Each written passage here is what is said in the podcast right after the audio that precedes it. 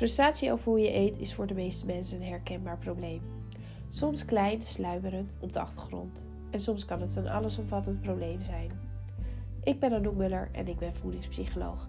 Met deze podcast geef ik je inspiratie, tips over hoe je een gezonde relatie met voeding krijgt.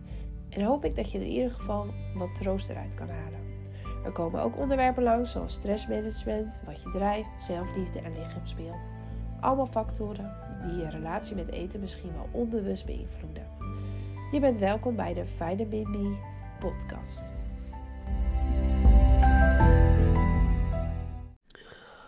Deze podcast gaat over hoe destructief schaamte is bij eetproblemen. Want dit is iets wat vaak heel sterk aanwezig is schaamte over dat je al heel vaak uh, begonnen bent met een nieuwe dieet en heel vaak weer gestopt bent. Schaamte over wat voor eetbuien je hebt of dat je je eten verstopt. Schaamte over dat je uh, veel te veel eet. Schaamte over hoe je met eten omgaat heeft bijna iedereen die niet tevreden is over hoe hij of zij eet. En bij mij komt voor een voedingspsychologie traject. Ik ging zelf ook gebukt onder schaamte voor mijn eetgedrag toen ik een eetstoornis had. Als ik dan bijvoorbeeld een eetbui had, was mijn schaamte zelfs zo groot dat ik mezelf het liefst verstopte. Ik denk dat je het ook gewoon aan mij zag, dat ik mezelf klein maakte. En ik had echt het gevoel dat anderen aan mij konden zien wat ik gedaan had, wat natuurlijk hartstikke irrealistisch is. En nu vind ik dat een enorme verspilling van energie. Want wist je hoe ongezond de emotie schaamte wel niet is? Schaamte is echt een zieletende emotie. Het vertroebelt het gezonde verstand, het vertekent de waarheid en leidt tot zelfdestructief gedrag.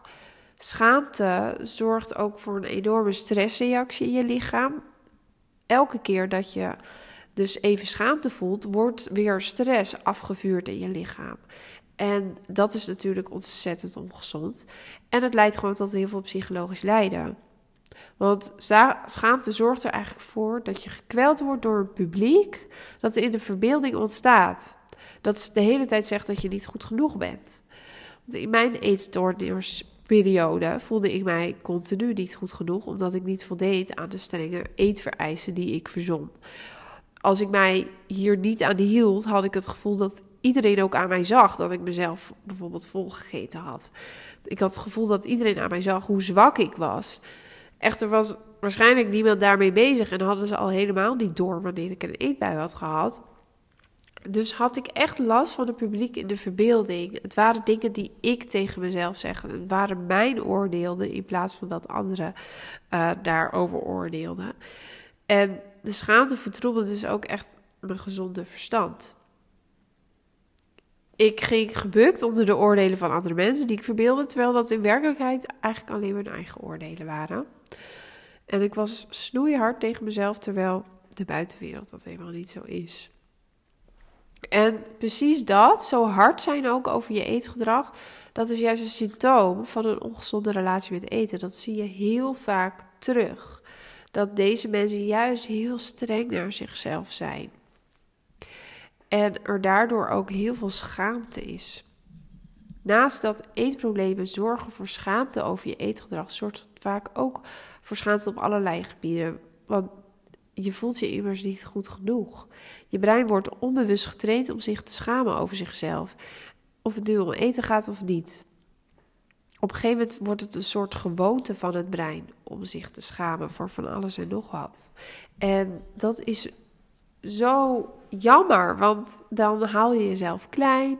En uh, dat kan uitvloeien op allerlei gebieden in je leven. Dat je jezelf klein houdt op je werk, uh, bij je studie, uh, bij vrienden, niet je mening uit, etc. De mensen die besluiten te werken aan hun eetproblemen en mij open vertellen over het eetgedrag dat ze willen veranderen, bewonder ik daarom echt altijd. Want daarvoor is zoveel moed nodig om iets te vertellen waar je eigenlijk voor schaamt. Wat in je verbeelding ook onder diegene aan wie je het vertelt, is in je verbeelding in ieder geval onderdeel van het publiek die jou misschien wel afkeurt. En wanneer mensen bij mij komen, in werkelijkheid keur ik het gedrag van de ander nooit af. Sterker nog, hoewel gekke dingen heb gedaan met eten in het verleden, keur ik mijzelf van vroeger ook niet af. Ik snap heel goed waar bepaald eetgedrag vandaan komt, waardoor het gekste gedrag niet meer raar is. Bijna iedereen die bij mij komt, die denkt van nou, ja, maar wat ik doe is echt extreem. Of wat ik uh, gedaan heb, ja, dat heb je nog nooit gehoord. Of dit vindt ze vast wel erg. Nou, dat is nooit waar ik vind het heel logisch dat je chocolade in een moment in de prullenbak gooit en het andere moment weer uit de prullenbak vist om toch op te eten. Ik vind het heel logisch dat je je chips verstopt voor je partner uh, terwijl je volwassene bent, die hartstikke intelligent is en toch dat soort dingen doet. Ik vind het heel logisch dat je dwangmatig nog een paar pak koekjes in je mond moet stoppen voordat je bijvoorbeeld die meeting hebt waarvoor je zo zenuwachtig bent. Of ik vind het ook zelfs logisch wanneer je uh, laxeerpillen slikt waar je hartstikke ziek van wordt.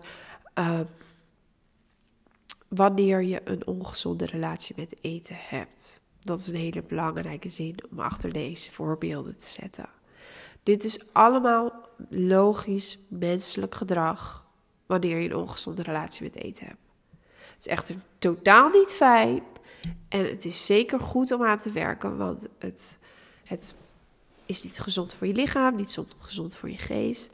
Maar het is menselijk gedrag. Wanneer je de menselijke psyche gaat begrijpen, ga je begrijpen waarom je dit soort dingen doet. Terwijl je hartstikke intelligent bent, een gezonde verstand ook hebt, maar uh, toch dit soort dingen doet. Nou ja, naast dat schaamte dus lichamelijk en geestelijk hartstikke ongezond is, heeft het nog een groot nadeel bij eetproblemen. Want vaak die schaamte zorgt er juist voor dat je een enorme drempel voelt om te werken aan je eetproblemen. En je daardoor misschien wel langer doorloopt met eetproblemen dan nodig was geweest. Want ja, als je er dan aan gaat werken, dan moet je immers met de billen bloot. En in ieder geval zo voelt het dan. Dus daarom hoop ik met dit, met deze podcast, dat je toch dat laatste beetje moed gaat krijgen om over die drempel heen te gaan. Neem je schaamte niet te serieus. Zie het, wat het voor wat het is. Het is grotendeels gebaseerd op jouw verbeelding en niet op de werkelijkheid. Het is juist een symptoom van jouw eetprobleem. Bovendien is er echt niks wat ik zelf toch niet gehoord heb of gedaan heb. En sowieso is alles wat je, als je bij mij komt, als je aan mij vertelt, is het vertrouwelijk. Nou, en dan nog een oude wijze raad laat je niet rijden door angst. Angst is geen goede raadgever. En schaamte is eigenlijk angst. Want het is angst voor de oordeel van anderen. En om door de man te vallen, dat gevoel. Of om bevestigd te krijgen wat jij zelf in je hoofd voor lelijke dingen zegt.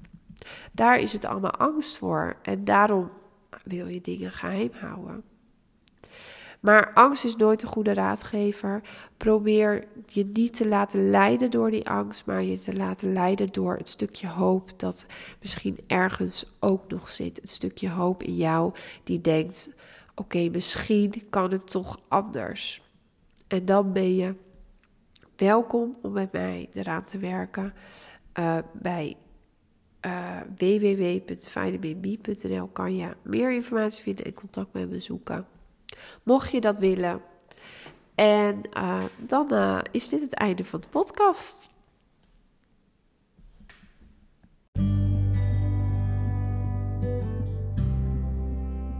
Dank je voor het luisteren naar de podcast van Vitamin B. Denk je dat deze podcast waardevol is voor anderen? Laat dan een review achter of deel hem. En dan kunnen anderen het makkelijker vinden. Alvast bedankt.